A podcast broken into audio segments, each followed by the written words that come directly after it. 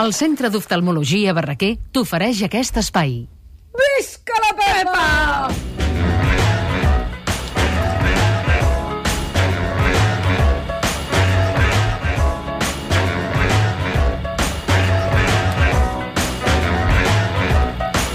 és que si el cinema puja a la muntanya, la Pepa hi va a buscar-lo. Si la nit s'allarga fins que no s'acaba, ella ens proposa explicar històries d'Ava Gardner. Si un festival de poesia pot ser més i l'Ovidi Montlló torna a l'escenari de Barcelona, no es poden escapar els seus plans. I és que fins i tot diu que ens farà anar als arrossars de les Terres de l'Ebre a ballar. Doncs sí, però abans de tot, quin festival de galetes teniu aquí avui, eh? cada vegada que hi ha una meu, pausa quin me'n tres. això. Mm. Comencem, però, anant al cinema a buscar la muntanya. What's this man?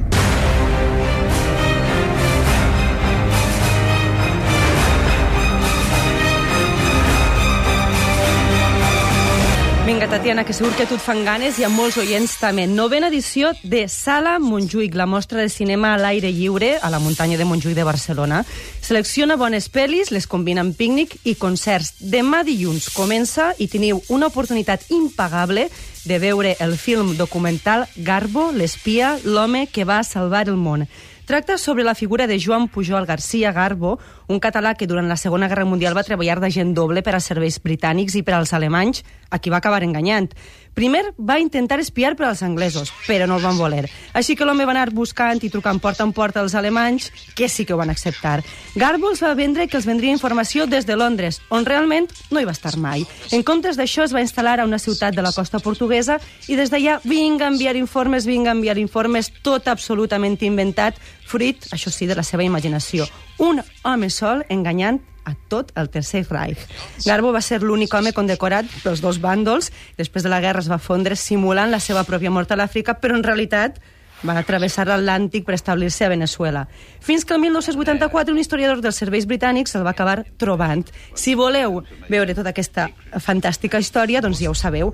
Però demà també hi trobareu música. Et miro i no sé què ets Potser un animal salvatge que t'estires al meu llit només per poder mostrar-te Vinga, aquí ja tinc a la Tati ballant, ja no en cal res més. San José, l'arquitecte músic, és l'encarregat d'inaugurar la nova temporada del Sala Montjuïc.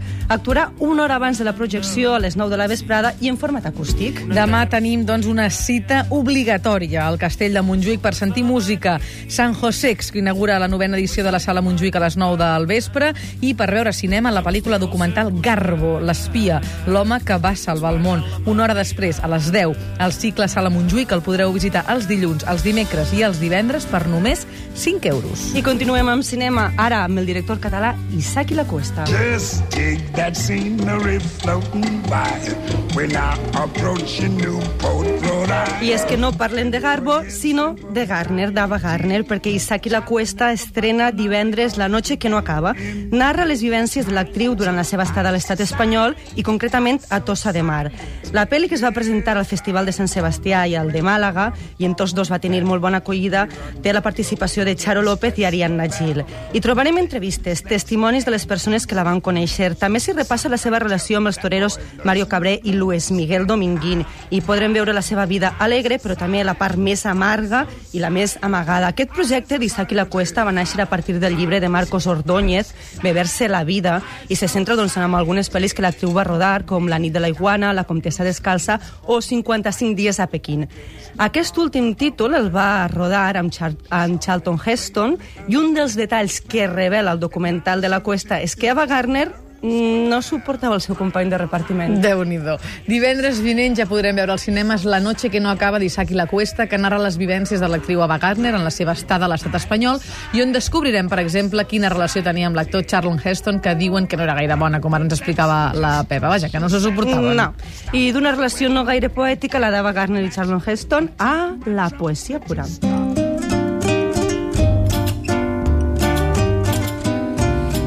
Fins al 24 de juliol, la Fundació Palau de Caldes d'Estrac i l'Art Santa Mònica de Barcelona ofereixen un munt d'activitats dins de la sisena edició del festival Poesia i més. Entre les propostes, aquest dijous 7 de juliol a les 8 de la vesprada a l'Art Santa Mònica de Barcelona i una proposta per commemorar el centenari del naixement del Nobel polonès l'espectacle La mort de Miłosz, a partir dels poemes eh, dels últims anys de vida de la seva mort. Uns textos bellíssims, un acte molt compromès per al diumenge 17 de juliol a les 9 de la vesprada a la Fundació Palau de Caldes d'Estrac, el Quartet Brossa, que ha creat una acció musical sobre la memòria històrica amb documents sonors de les víctimes de la Segona Guerra Mundial i textos de Jorge Semprún i Primo Levi, entre altres. Les músiques de l'Holocaust, com s'anomena, també vol recordar a Semprún, que recordem que ens va deixar fa poc.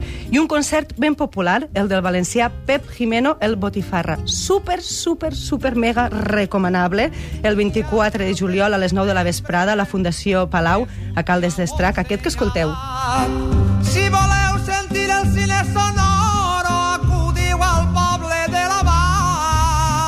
Doncs és Pep Jimeno, tot un fenomen de la música tradicional valenciana que ha recuperat amb gràcia i bon humor el cançoner valencià tradicional. A l'espectacle T'encantaré més de mil. Un concert per no avorrir-se, aquest de Pep Jimeno, al Botifarra, i un festival on trobareu moltíssimes propostes per triar, el Festival de Poesia i més, que fins al 24 de juliol programa activitats a l'Art Santa Mònica de Barcelona i a la Fundació Palau de Caldes d'Estrac. I com que sabem que als nostres oients els agrada, doncs us recordem d'un valencià de la Costera a un d'Alcoià. Ovidi Mollor arriba a Barcelona després de fer més de 15 anys vacances. Plovia aquell dia perquè vull, perquè tinc ganes que plogués. De fet, no és Ovidi, són els Altai, però això sí, música en l'Ovidi. Demà, a les 8 de la vesprada, un concert espectacle al Teatre Romea amb el títol Ovidi Montllor, l'artista, el cantant, el payaso.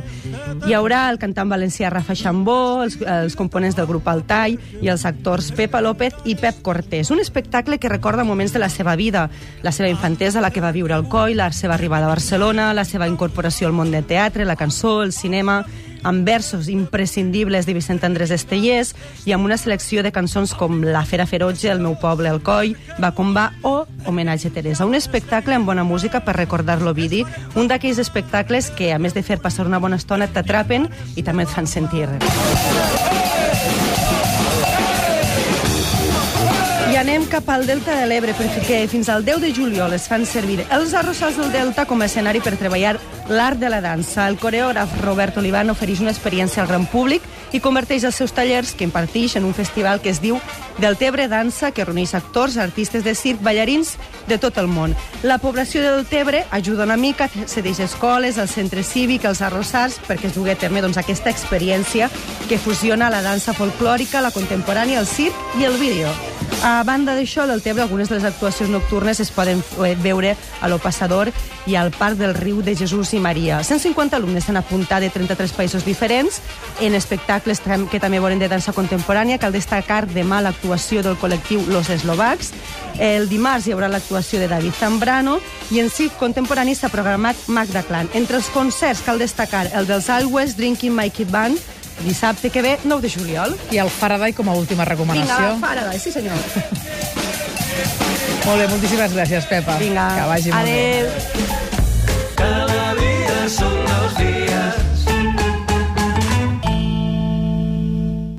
Barraquer, la teva visió és la nostra raó de ser.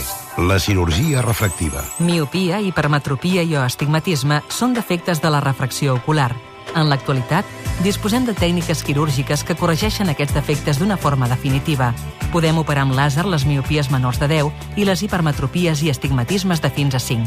En d'altres casos, està indicat implantar una lent intraocular, LIO. Unitat de cirurgia refractiva. Centre d'oftalmologia Barraquer. www.barraquer.com Amb un diagnòstic precoç i som a temps.